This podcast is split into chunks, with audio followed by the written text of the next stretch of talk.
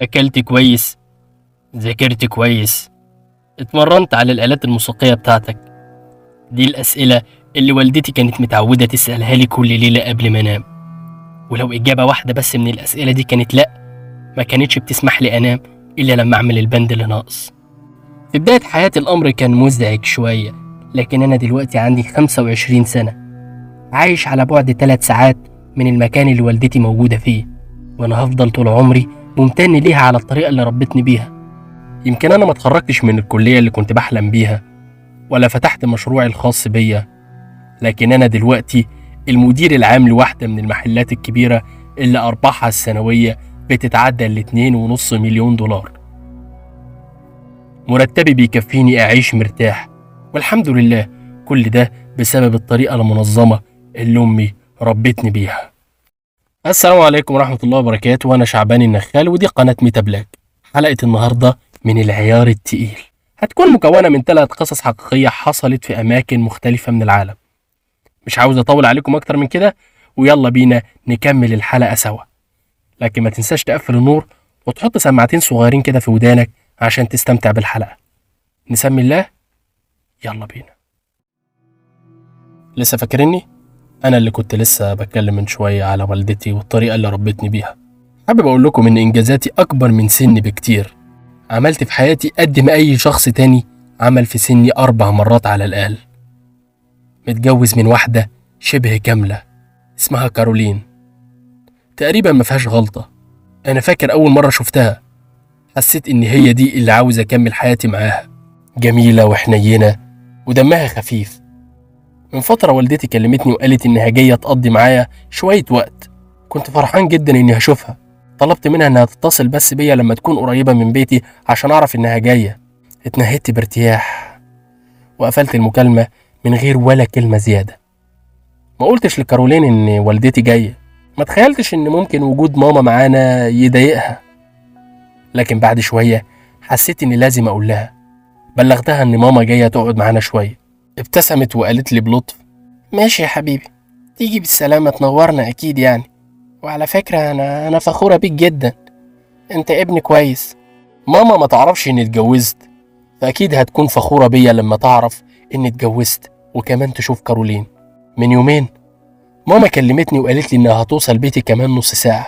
كنت قاعد مع كارولين بنتفرج سوا على فيلم. الساعة كانت تقريبا 8 كنت متحمس جدا للزيارة دي. كنت عاوز أشوف ماما. عاوزها تشوفني وأنا ناجح وسعيد في حياتي قد إيه بمجرد ما ماما دخلت البيت بدأت تتكلم فورا عن قد إيه البيت مش نظيف ومش مرتب ما وجهتش كلام لكارولين حتى بصت لي كده باشمئزاز وقرف من فوق لتحت وهي بتقول لي أنا ما ربيتكش على كده أنا ربيتك عشان تكون ولد مطيع مش مهمل وقذر بالطريقة دي إيه ده؟ إيه المنظر ده؟ ليه شكله مش مترتب وشكله وحش كده؟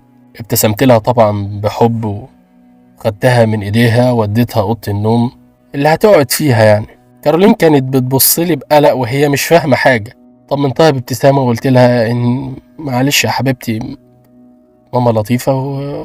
وهتتعود عليها بسرعة. هي بس يعني بتتنرفز بسرعة كده وبتتضايق من أقل حاجة وعايزة كل حاجة مظبوطة وتمام التمام. ما ردتش عليا وسابتني ومشيت ناحية أوضتنا. رد فعل كارولين ما كانش كويس. بس أنا متفهم مشاعرها. كارولين بتنظف البيت كويس جدا مرتين على الأقل كل أسبوع. فكلام ماما يعتبر إهانة ليها. ماما كانت على وشك تنام وكارولين سابتني ودخلت نامت هي كمان. كملت الفيلم لوحدي وقمت مشيت ناحية أوضتي. نمت حطيت كده دماغي على المخدة ومددت جسمي على السرير. وقبل ما أروح في النوم بثواني لمحتها واقفة في الضلمة بتتفرج علينا. حاولت أقاوم النوم وأشوفها عاوزة إيه. وإيه اللي صحاها؟ لكن النوم كان أقوى مني فنمت غصب عني. صحيت الصبح على صوت خناق. قبل ما أقوم من السرير لمحت الأوضة. الأوضة كانت عبارة عن فوضى كانت متبهدلة. الأدراج كلها مفتوحة واللي فيها مرمي على الأرض. الدولاب مفتوح وهدومنا مرمية في كل ركن في الأوضة. قمت من السرير ومشيت ناحية صوت الخناق. كان بره في الصالة. كانوا بيتناقشوا بغضب. وأنا كنت متضايق جدا بسبب إن في مشاكل بين مراتي وأمي.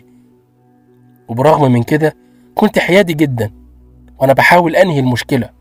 قدرت أخلي الاتنين يسكتوا عشان أفهم فيه إيه. كارولين كانت غضبانة جدا. بصيت لماما وسألتها بهدوء أنت ليه يا ماما عملت كده في الأوضة بس؟ كنت بتدوري طيب على إيه؟ إيه الحاجة اللي كنت بتدوري عليها؟ يمكن أنا ألاقيها لك. بصت لكارولين بغضب وهي بتقول كنت بدور على الشهادة بتاعتك. عاوز أعرف عملت إيه في الامتحانات؟ كارولين سابتنا وخرجت برا الأوضة أكيد اتصدمت. حضنت ماما وأنا بقول لها بهدوء امتحانات بس إيه, إيه يا ماما امتحانات إيه؟ أنا مخلص دراسة من أكتر من 8 سنين يا حبيبتي. سألتها بقلق إيه ماما يعني أنت كويسة؟ طيب لو لو أنت مش تمام إحنا ممكن نوديكي لدكتور طيب. عينيها بدأت تدمع وقبل ما أفهم فيه إيه كانت بتعيط بحرقة. حضنتها أكتر وأنا بقول لها طب ما تقلقيش كل حاجة هتبقى كويسة. زقتني بعيد عنها وهي بتصرخ بغضب. لازم تروح الامتحانات. لازم لازم تروح الامتحانات. أنت ذاكرت بكل قوتك عشان تستعد للامتحان ده؟ حاولت أتكلم حاولت أبرر موقفي حاولت أفهمها أي حاجة. بس فجأة لقيت الدنيا لفت بيا وكل حاجة اسودت قدام عينيا. لما فقت كنت سامع صوت مراتي بتصرخ. كنت نايم على الكنبة. لما قمت عشان أشوف إيه اللي بيحصل ماما منعتني. قالت إني لازم أفضل نايم على ظهري. كانت قاعدة جنبي وماسكة إيدي ومبتسمة ليا. طل... طلبت مني طلبت مني أفضل هادي وما أتحركش لحد ما الإسعاف يوصلوا. والإسعاف وصلوا بسرعة. أنا ما كنتش فاهم إيه اللي بيحصل. بعدها شالوني على نقالة وحطوني في عربية الإسعاف. وقبل ما أفهم أي حاجة حسيت إن الدنيا بتلف بيا تاني وأغمى عليا. فقت حوالي الساعة ستة الصبح تقريبا كده قالوا لي قالوا لي إن عندي ورم خبيث في المخ. كان ضاغط على منطقة معينة في مخي ومسبب لي هلاوس.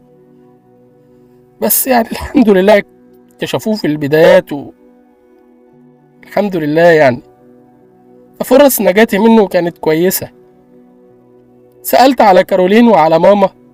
الممرضة ابتسمت وخرجت. وبعد شوية رجعت ومعاها كارولين. بس كارولين كانت وحدها. قعدت جنبي ومسكت إيدي. عينيها كانت مليانة دموع. كانت بتحاول تطمني وتقولي إني هكون كويس وإن كل حاجة هتبقى تمام. سألتها على ماما. بصت لي بخوف وهي بتعيط وقالت لي حبيبي كفاية أرجوك. أنت عارف إن والدتك ماتت من ثلاث سنين. ليه بتعمل كده بس؟ انت عارف ده كويس. أنا حاولت ادعمك حاولت تظاهري انها موجودة. حاولت اقف جنبك. بس كده كفاية أرجوك أرجوك كفاية يا حبيبي. أنا عارف إن ماما ماتت من ثلاث سنين بس مش معنى إنها ماتت إنها سابتني. ماما دايما هنا عشان تحميني وتقف جنبي. ماما كانت هنا لما المدير اللي قبلي مات مقتول عشان أترقى مكانه وأستلم شغلي. أنا ما كنتش أعرف إنه لو مات هترقى مكانه عشان أقتله يعني. أكيد يعني. ماما كمان كانت هنا لما خطيب كارولين اللي قبلي مات مقتول في شقته. وأنا ما كنتش أعرف مكان شقته عشان أقتله يعني. يا جماعة محدش يوجه أصابع الاتهام ليا. بس اللي أنا أعرفه كويس إن ماما دايما هنا عشان تتأكد إني أتعامل حلو وآخد فرص كويسة في الحياة. أنا دلوقتي هتصرف كأني تحت تأثير ضغط الورم على مخي وإني شفت هلاوس وحاجات زي دي. همثل عليهم كلهم إنه كان بيتهيألي. بس أنا أنا عارف أنا عارف إن ماما جنبي وهتظهر لي في الوقت المناسب. أنا الدكتور اللي اللي متابع حالة جاك. اللي أنتوا سمعتوه ده بسبب ألعاب العقل والرعب النفسي. صدقني العقل البشري ده حاجة معقدة جدا. حاجة لو قعدنا سنين ندرسها مش هنقدر نوصل لنقطة في بحر العقل. اللي بيحكي ده عنده ورم ضاغط على جزء معين في المخ فمسبب له هلاوس سمعية وبصرية. والدته ماتت من ثلاث سنين وهو بيتخيل إنها موجودة وبتحقق له أحلامه. قتل مديره عشان يترقى مكانه وبيقول إنه ما كانش يعرف إنه هيترقى. رغم إن التحريات أثبتت إنه سأل على ده قبل ما مديره يموت بفترة قتل خطيب كارولين بعد ما شافه ومشي وراه عشان تبقى له وعقله خلاه ينسى الجزء ده تماما. بدأ يبرر لنفسه إن روح أمه لا آه، وحشة روح أمه دي معلش. روح الست والدته لا برضو مهينة برضو شوية. بدأ يبرر لنفسه إن شبح والدته هو اللي بيعمل كده عشان ينقذه.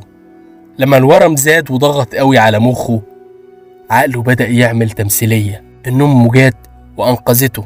وطبعا الباقي كله هلاوس وأمه ولا جت وكارولين ما قابلتش حد وما اتخانقتش معاها ولا كل الكلام ده. اللي حصل إن كارولين لقيته فجأة بدأ يكلم نفسه كأن حد جه البيت فسابته ودخلت تنام.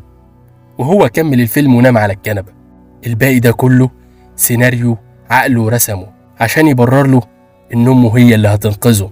صدقوني يا جماعة العقل لما بيقرر يلعب بالبني آدم بيبقى خطير قوي. ممكن يخلي الشخص يعمل جرايم وهو مش عارف أو حتى مش متخيل. القصة التانية دايما بشوف في أفلام السينما الشباب لما بيستقلوا عن أهلهم وبيعيشوا في بيوت لوحدهم يروحوا بقى مطاعم ويقضوا الوقت بره البيت على طول. لما سبت بيت أهلي ورحت شقة لوحدي عرفت إن ده بيحصل في السينما وبس.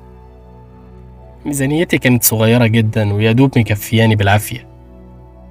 المبنى اللي أنا لقيت فيه شقة كان مبنى أثري قديم جدا يمكن فوق المئة سنة بس اضطريت أوافق عليه لسببين مهمين. أولا إنه على قد فلوسي. ثانيا عشان أقدر أستمتع بقدر كافي من الحرية بعيد عن أهلي. ولأن الفلوس كانت قليلة قررت إن أنا أنضفه بنفسي. بدل ما أبعت لشركة نظافة يعني. اشتريت مستحضرات تنظيف كتير أوي وبدأت أنظف كل ركن في الشقة بتركيز واهتمام. قدرت أشتري أساس مستعمل كده حالته كويسة بسعر كويس يعني. عشان أفرش الشقة بدل ما هي فاضية كده. جبت تلفزيون مستعمل. أي نعم على وشك إنه يبوظ يعني بس في النهاية بدأت يعني أحس إن الشقة أشبه لبيت البني آدمين يصلح للمعيشة على الأقل بمجرد ما بدأت أستقر في الشقة. قررت أكون جارة لطيفة يعني وأقدم نفسي بشكل ظريف للجيران. على الأقل خالص اللي معايا في الدور يعني. ماما كانت دايما بتقول إن المخبوزات هي أسهل طريقة لكسب صداقات جديدة. طلعت كتاب الطبخ بتاعي ودورت على صفحة الكوكيز. وبدأت أعمل كوكيز برقائق الشوكولاتة. بعدها خلصت حضرت ثلاث أطباق كوكيز كبار. أي نعم أرضية المطبخ كانت مليانة دقيق بس مش مهم. المهم إن الثلاث أطباق شكلهم كويس جدا. هيبقى كده طبق لكل شقة في الدور. غيرت هدومي ونضفت نفسي وأخدت أول طبق. هروح للشقة اللي جنبي على طول. شقة رقم ثلاثة الباب كان خشبي قديم ومتآكل جدا. خبطت ووقفت مبتسمة كده وبسرعة الباب اتفتح. اضطريت أبص لتحت شوية عشان أشوف مين فتح الباب. كانت ست عجوزة قصيرة طولها حوالي نص طولي تقريبا. شعرها الأبيض كان منكوش وملامحها باين عليها الضيق. لابسة روب لونه وردي عليه زهور صغيرة. بصت ليا بقلق وهي بتسأل بصوت عجوز ضعيف. أهلا يا حبيبتي. إيه أنت مين؟ ابتسمت ألطف ابتسامة عندي وأنا بقدم ليها طبق الكوكيز. قلت لها بلطف أنا أنا جارتك الجديدة لسه ناقلة هنا وعاوز أعرفك بنفسي. بصت ليا بصة غريبة من غير ما تتكلم ولا كلمة أو حتى ملامحها تتغير. مديت إيدي وأنا بقول لها أنا مولي. فحسيت إن ملامحها بدأت تستغرب كده. بدأت أتضايق من طريقتها لكن كنت مصممة أحافظ على لطفي للآخر.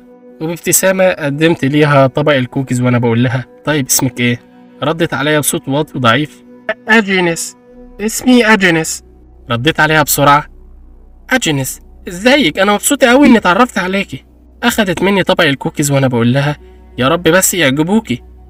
ابتسمت ليا بقلق وخوف ابتسامة صغيرة وفجأة قفلت الباب في وشي بكل قوتها. الموقف كان غريب ورد فعلها غريب. بس أنا قررت إني مش هعمل أي مشاكل أنا مش عاوز أي مشاكل. رجعت شقتي تاني ودخلت الحمام. أخدت شاور وغيرت هدومي. مش عارفة ليه كنت حاسة إن أجينس دي غريبة وفيها حاجة مش طبيعية. قضيت الليل في شقتي لوحدي أخدت شوية كوكيز وقعدت على الكنبة أتفرج على التلفزيون. فجأة حد بدأ يعزف موسيقى فالس. ودي نوع من أنواع الموسيقى يعني. بصوت عالي جدا. صوت عالي لدرجة الإزعاج. حاولت أعلي صوتي لكن مهما عملت كان صوت الموسيقى أعلى. فتحت باب الشقة وأنا غضبانة جدا. الصوت كان جاي من ورا باب من الأبواب التانية. مش باب أجنس. قررت إني مش هعمل أي مشاكل. أنا لسه جديدة ومش عاوزة أكون عداوات من البداية. ابتسمت بلطف وأنا واقفة قدام الباب. خبطت على الباب بكل قوتي. فجأة الموسيقى وقفت تماما. قررت أرجع شقتي بما إني سبب الإزعاج وقف ومحدش رد عليا. المهم إني أعرف أنام من غير إزعاج. الصبح قررت إني هكمل زيارات الجيران اللي ما كملتهاش إمبارح. أخدت طبق الكوكيز التاني ومشيت ناحية الباب اللي كان جاي من ورا الموسيقى. وده كان باب شقة رقم واحد. خبطت وقفت شوية لكن زي إمبارح ما كانش فيه أي رد. مشيت ناحية باب شقة رقم اتنين وخبطت.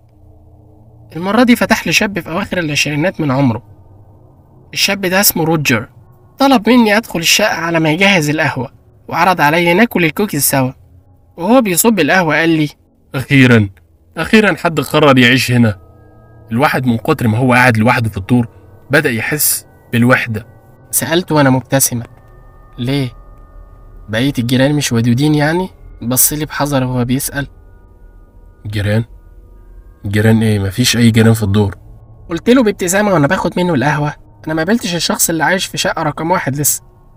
لكن قابلت أجنس واديتها كوكيز. رفع حواجبه بدهشة وهو بيسأل. أجينس أجينس مين؟ قلت له الست العجوزة اللي ساكنة في شقة رقم تلاتة. رد عليا بخوف وقال لي محدش عايش في شقة رقم تلاتة. محدش عايش في الدور كله أصلا. غير أنا وأنتي وبس. فرديت عليه وقلت له يمكن لسه ساكنة جديد. يعني يمكن مش بتخرج من بيتها كتير فأنت مش بتشوفها. على فكرة هي شكلها غريب قوي ومش اجتماعية فعلا.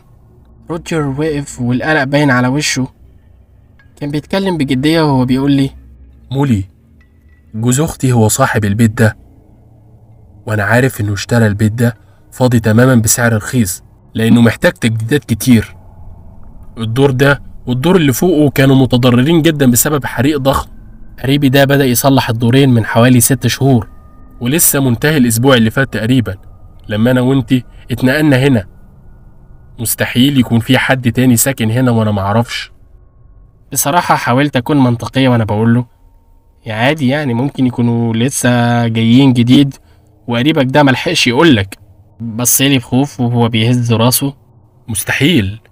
شقة رقم تلاتة قدامها شوية وقت عشان الإصلاحات اللي فيها تخلص. الحريق أصلا بدأ من شقة رقم تلاتة. عشان كده هي أكتر شقة اتضررت في الدور كله. بصراحة ما اخبيش عليكم بدأت أخاف. سألته بصوت مليان خوف. طب أم- أم- أمال أنا أمال أنا قابلت مين؟ مين اللي فتحت لي الباب امبارح دي؟ رد عليا وقال لي أنا مش عارف. طب استني أنا هتصلك بجيسون قريبي النهاردة؟ وبكرة لما تجيلي هنشوف الموضوع ده. حاولت أتمالك أعصابي وأنا راجع شقتي. ممكن يكون واحدة من المشردات اللي بيناموا في الشوارع قعدت في الشقة من غير ما حد يعرف. عموما أنا أنا هصبر لحد بكرة وهعرف الحقيقة. قبل ما أدخل شقتي قررت أسأله على حاجة. كان لسه واقف على باب شقته مبتسم. سألته طب طالما مفيش حد غيري أنا وأنت يبقى أنت اللي كنت بتعزف الموسيقى امبارح بالليل؟ ابتسامته اختفت وهو بيسأل بقلق موسيقى إيه تاني؟ قلت له المرة دي بجدية عشان يعرف إني مش بهزر. موسيقى الفالس كانت مزعجة جدا كانت شغالة امبارح بالليل. هز راسه بقوة وهو بيقول لي بخوف. ما كانش فيه أي صوت امبارح على الإطلاق. ما كانش فيه أي حاجة امبارح. كان شخص لطيف جدا وشكله بيتكلم جد. يمكن أنا طيب اللي غلطانة. فكرته ورجعت شقتي. فتحت الكمبيوتر بتاعي بالليل ودخلت على الفيسبوك. بدأت أدور على صفحة روجر. بدافع الفضول يعني. وقال لي اسمه بالكامل وبدأت أدور عليه. للأسف ما لقيتش أي حاجة. بس هو قال لي إن جيسون اللي هو قال إن هو قريبه يعني صاحب البيت جوز أخته. يبقى لو لقيت صفحة جيسون أكيد هلاقيه. المهم كان معايا رقم تليفون جيسون وفعلا لقيته. لما دورت برقم التليفون رقم تليفون جيسون يعني كان كاتب في البيانات إنه أعزب مش متجوز. فكرت إنه ممكن يكون نسي أو كسل يعدل يعني ال- ال- البند ده. بدأت أدور في قائمة الأصدقاء بس ما لقيتش روجر برضو. فكرت إن روجر ممكن يكون كاتب اسم شهرة أو أو يعني مش كاتب اسمه على الفيسبوك. فبدأت أدور في صور جيسون صور أجازات صور مصيف حفلات مطاعم ملاعب. لحد ما صورة من الصور خلت الدم ينشف في عروقي صورة جيسون مع ست عجوزة قصيرة لابسة جاكيت طويل. إيه ده؟ جيسون متصور مع أجنس؟ صورت الصورة بكاميرا موبايلي وجريت على شقة روجر. كنت خايفة جسمي كله كان بيترعش من الخوف. خبطت على باب روجر بكل قوتي. فجأة الباب اتفتح لوحده. الشقة كانت متربة وقديمة و... وما فيهاش أي حاجة. مش دي الشقة اللي أنا كنت قاعدة فيها مع روجر من شوية. أنا مش مجنونة. جريت ناحية شقة أجنس وخبطت عليها. فتحت الباب وبصت لي بفضول. لما لمحت باب شقة روجر مفتوح قفلت الباب في وشي بخوف ودخلت شقتها. أنا مش فاهمة إيه اللي بيحصل. بس أنا أنا لازم أسيب الشقة دي. أنا خايفة أوي. أنا جيسون صاحب العقار ده وصاحب البيت. البيت ده اللي أنا لسه شاريه من فترة قامت فيه حريقة كبيرة جدا. بدأت من شقة روجر اللي كان عازف فلسة مشهور وكان نايم وقتها وللأسف مات في الحريقة. محدش مات أو اتضرر غيره. على فكرة أنا دلوقتي بقيت صاحب العقار. ومفيش بيني وبين روجر أي قرابة. بدأت أصلح الدورين اللي اتحرقوا بعد ما شريت البيت يعني وأجنس رجعت شقتها بعد ما اتصلحت. كانت بتعامل مولي كده لأنها خايفة منها لأن روجر على طول بيظهر في الدور وبيسمعوا الموسيقى بتاعته من بعد موته. فهي كانت خايفة مولي تكون شبح زي روجر كده.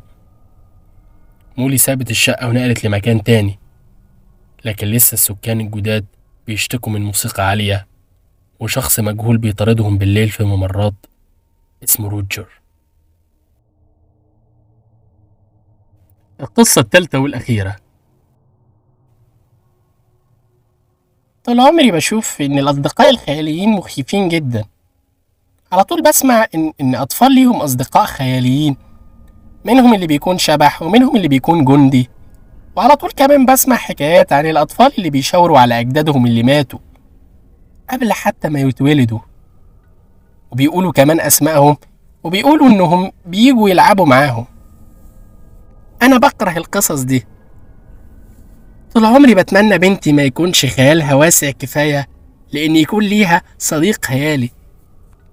لأن أنا ما بحبش القصص دي. لكن لما سيبنا البيت القديم ونقلنا لشقة جديدة في مجمع سكني اتضح إن ليها صديق خيالي بعد أسبوع من انتقالنا للشقة الجديدة. بدأت تكلمني عليه. ندهت لي فجأة ماما ماما أنا لعبت مع المهرج امبارح. بصت لها بدهشة و... وأنا بسألها "م- مهرج إيه يا حبيبتي؟ بالمناسبة هي ما عندهاش أي لعبة على شكل مهرج. أنا أصلا بخاف من المهرجين. وعشان كده ما جبتلهاش أي لعبة على شكل مهرج. ابتسمت لها و... وهي بتقول لي المهرج يا ماما اللي بيجي يلعب معايا في أوضتي بالليل بعد ما تناموا. قلبي بدأ يدق بخوف. ليه يا رب من وسط كل الأصدقاء الخياليين؟ بنتي تختار الحاجة الوحيدة اللي بترعبني. تملكت نفسي وأنا بقول لها. طيب طيب يا حبيبتي طيب المهرج ده لطيف معاكي؟ طيب كويس. ضحكت وهي بتقول لي آه يا ماما لطيف جدا وبيديني شوكولاتة كل يوم. بصراحة ما اكدبش عليكم كنت قلقانة. ابتسمت لها بلطف وأنا بقول لها حبيبتي انت عارفة انك المفروض ما تاكليش شوكولاتة قبل النوم صح؟ بس بيني وبين نفسي كنت مبسوطة إن صديقها الخيالي لطيف وبيديها شوكولاتة. وهي كمان بتحب الشوكولاتة. ضحكت وهي بتقول لي آه يا ماما آه أنا عارفة. بس دي شوكولاتة سحرية. لما باكلها بنام كويس. قلت لها بضحك الله دي شكلها شوكولاتة لذيذة أوي يا حبيبتي. سقفت بإيديها الصغيرين وهي بتقول لي أيوة يا ماما فعلا شوكولاتة لذيذة جدا. أنا كنت متفهمة إن الأطفال في سن معين بيحسوا بالوحدة وبيخلقوا صديق خيالي عشان يقضي الوقت معاهم. كمان المبنى اللي إحنا فيه مفيهوش أولاد من سنها. أغلب سكان المجمع من كبار السن. في أولاد موجودين لكن ساكنين بعيد عننا. وأنا أكيد مش هسيبها تلعب بعيد عن البيت يعني. شقتنا كانت في نص الدور. على يمنا اتنين عواجيز متجوزين وعلى شمالنا أرمل في منتصف العمر. عشان كده بنتي خلقت لنفسها صديق خيالي. بس اللي أنا مستغرباه ليه اختارت إنه يكون مهرج دونا عن أي حاجة تانية؟ الصديق الخيالي ده استمر مع بنتي سنين. خلال السنين دي عرفت عنه شوية حاجات. المهرج ده عايش جوه الدولاب بتاعها وبيطلع يلعب معاها بعد ما إحنا ننام. قبل ما يلعب معاها لازم يديها الشوكولاتة السحرية بتاعته. فجأة بطلت تتكلم عنه. فكرت إنها خلاص ممكن تكون استغنت عنه ورجعت لحياتها الطبيعية تاني. فقررت أسألها. أنت يا ماما خلاص بطلتي تلعبي مع المهرج؟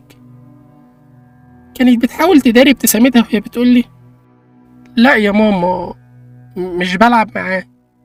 إلي مش بتعرف تكدب عليا؟ ضحكت وأنا بقول لها إلي انت بتقولي الحقيقة؟ قالت لي بضحكة كده. لا بس بصراحة لا. سألتها باهتمام ليه مش بتقولي لأمك الحقيقة؟ قالت لي بضحكة صغيرة. هو هو قال لي ما تقوليش لحد عشان ده سر بينا. طمنتها وأنا بقول لها. بس مامي مسموح ليها تعرف كل الأسرار. إحنا اتفقنا على كده صح؟ قالت لي آه.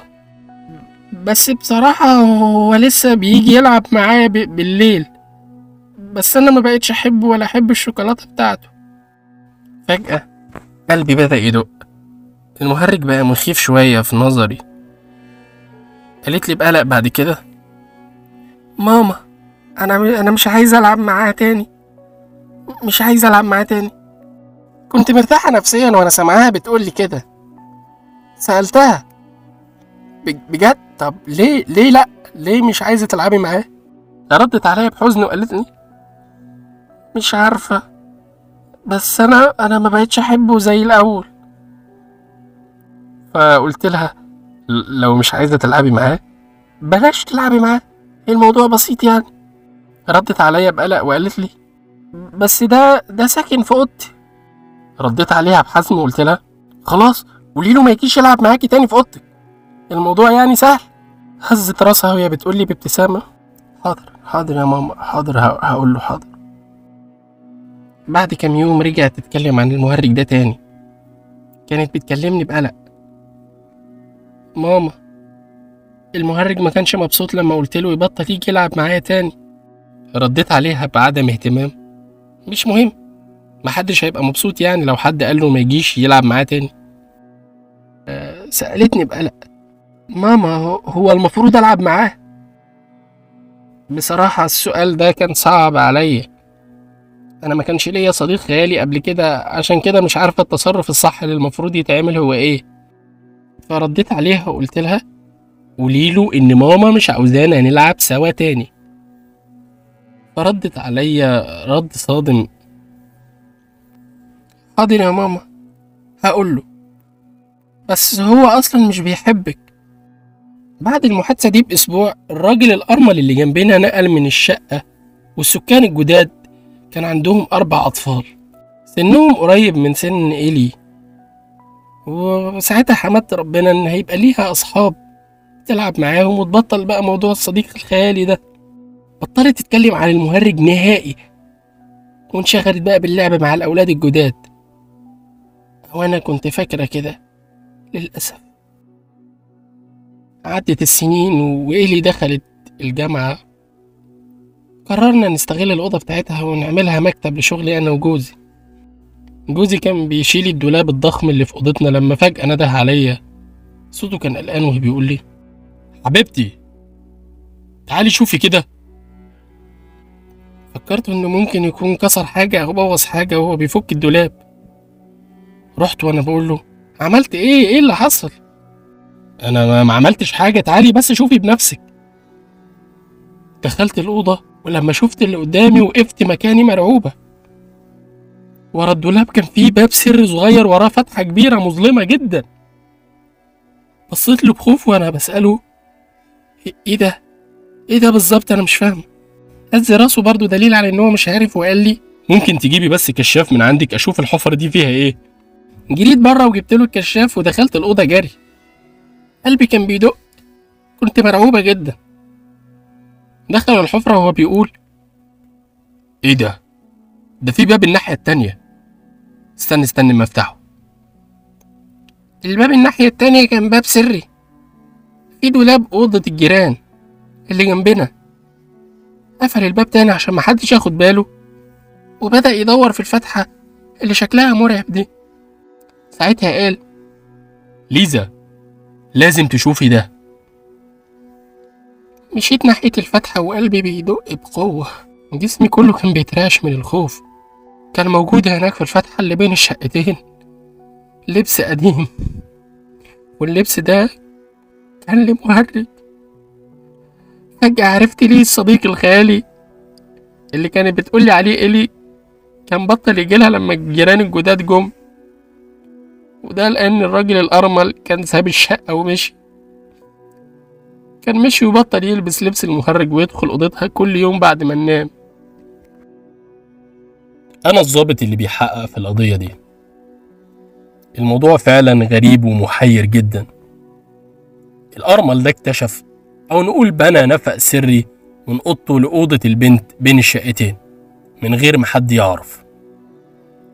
كان بيجيب شوكولاتة وبيحط فيها مخدر وكمان كان بيلبس لبس مهرج ويدخل للبنت الأوضة يديها الشوكولاتة. وبعد ما البنت تاخد الشوكولاتة وتاكلها يبدأ يلعب معاها شوية لحد ما تنام وبعدين يغتصبها. طيب ليه كان بيلبس لبس مهرج؟ وده عشان البنت ما تعرفوش وتقول لأمها إن الراجل جارنا بيجي يلعب معايا بالليل. الراجل فضل سنين يغتصب البنت بعد ما يخدرها. ولما البنت دي بدأت تحس بألم وتتضايق قالت لأمها وأمها ساعتها طلبت منها تبطل تلعب معاه وتقول له إنها مش عايزة تلعب معاه تاني. حس إن ممكن يتكشف. ساعتها ساب البيت ومشي. السر ده اتكشف بعد سنين طويلة آه والبنت دلوقتي في الجامعة. لكن عايز أقول لكم على حاجة مهمة جدا. لازم تهتموا بأولادكم وتسمعوهم وتشوفوا كلامهم. ولازم تصدقوه وبلاش تعاملوهم على إنهم صغيرين وبيخرفوا. الأم دي لو كانت سمعت لبنتها ودورت في الدولاب اللي المهرج ساكن فيه زي ما هي كانت بتقول كانت لقت الباب السري وقدرت تفهم الموضوع وتنقذ بنتها من سنين من الاغتصاب والعنف. حد تاني ممكن يسألني ليه الأم طيب ما شافتش الباب السري وهي بترتب الدولاب مثلا؟ وده لأنه باب سري مخفي كويس وما بانش إلا لما شالوا الدولاب كله. الأرمل ده هربان دلوقتي وإحنا مش قادرين نوصل له. وكمان قلنا للأم إننا حتى لو لقيناه وهو رفض يعترف مش هيتوجه ليه أي تهم خالص. وبالمناسبة أرمل يعني مراته ميتة. وبكده تكون انتهت حلقة النهاردة وقصة النهاردة المكونة من ثلاث قصص حقيقية حدثت بالفعل. لو انت لسه جديد على القناة ما تنساش تشترك في القناة وتفعل زر الجرس. أما بقى لو انت متابع قديم ما تنساش تعمل like و comment و share. شكرا جزيلا لكم لحسن استماعكم وأشوفكم في حلقة جديدة. كان معاكم شعبان النخال. سلام عليكم.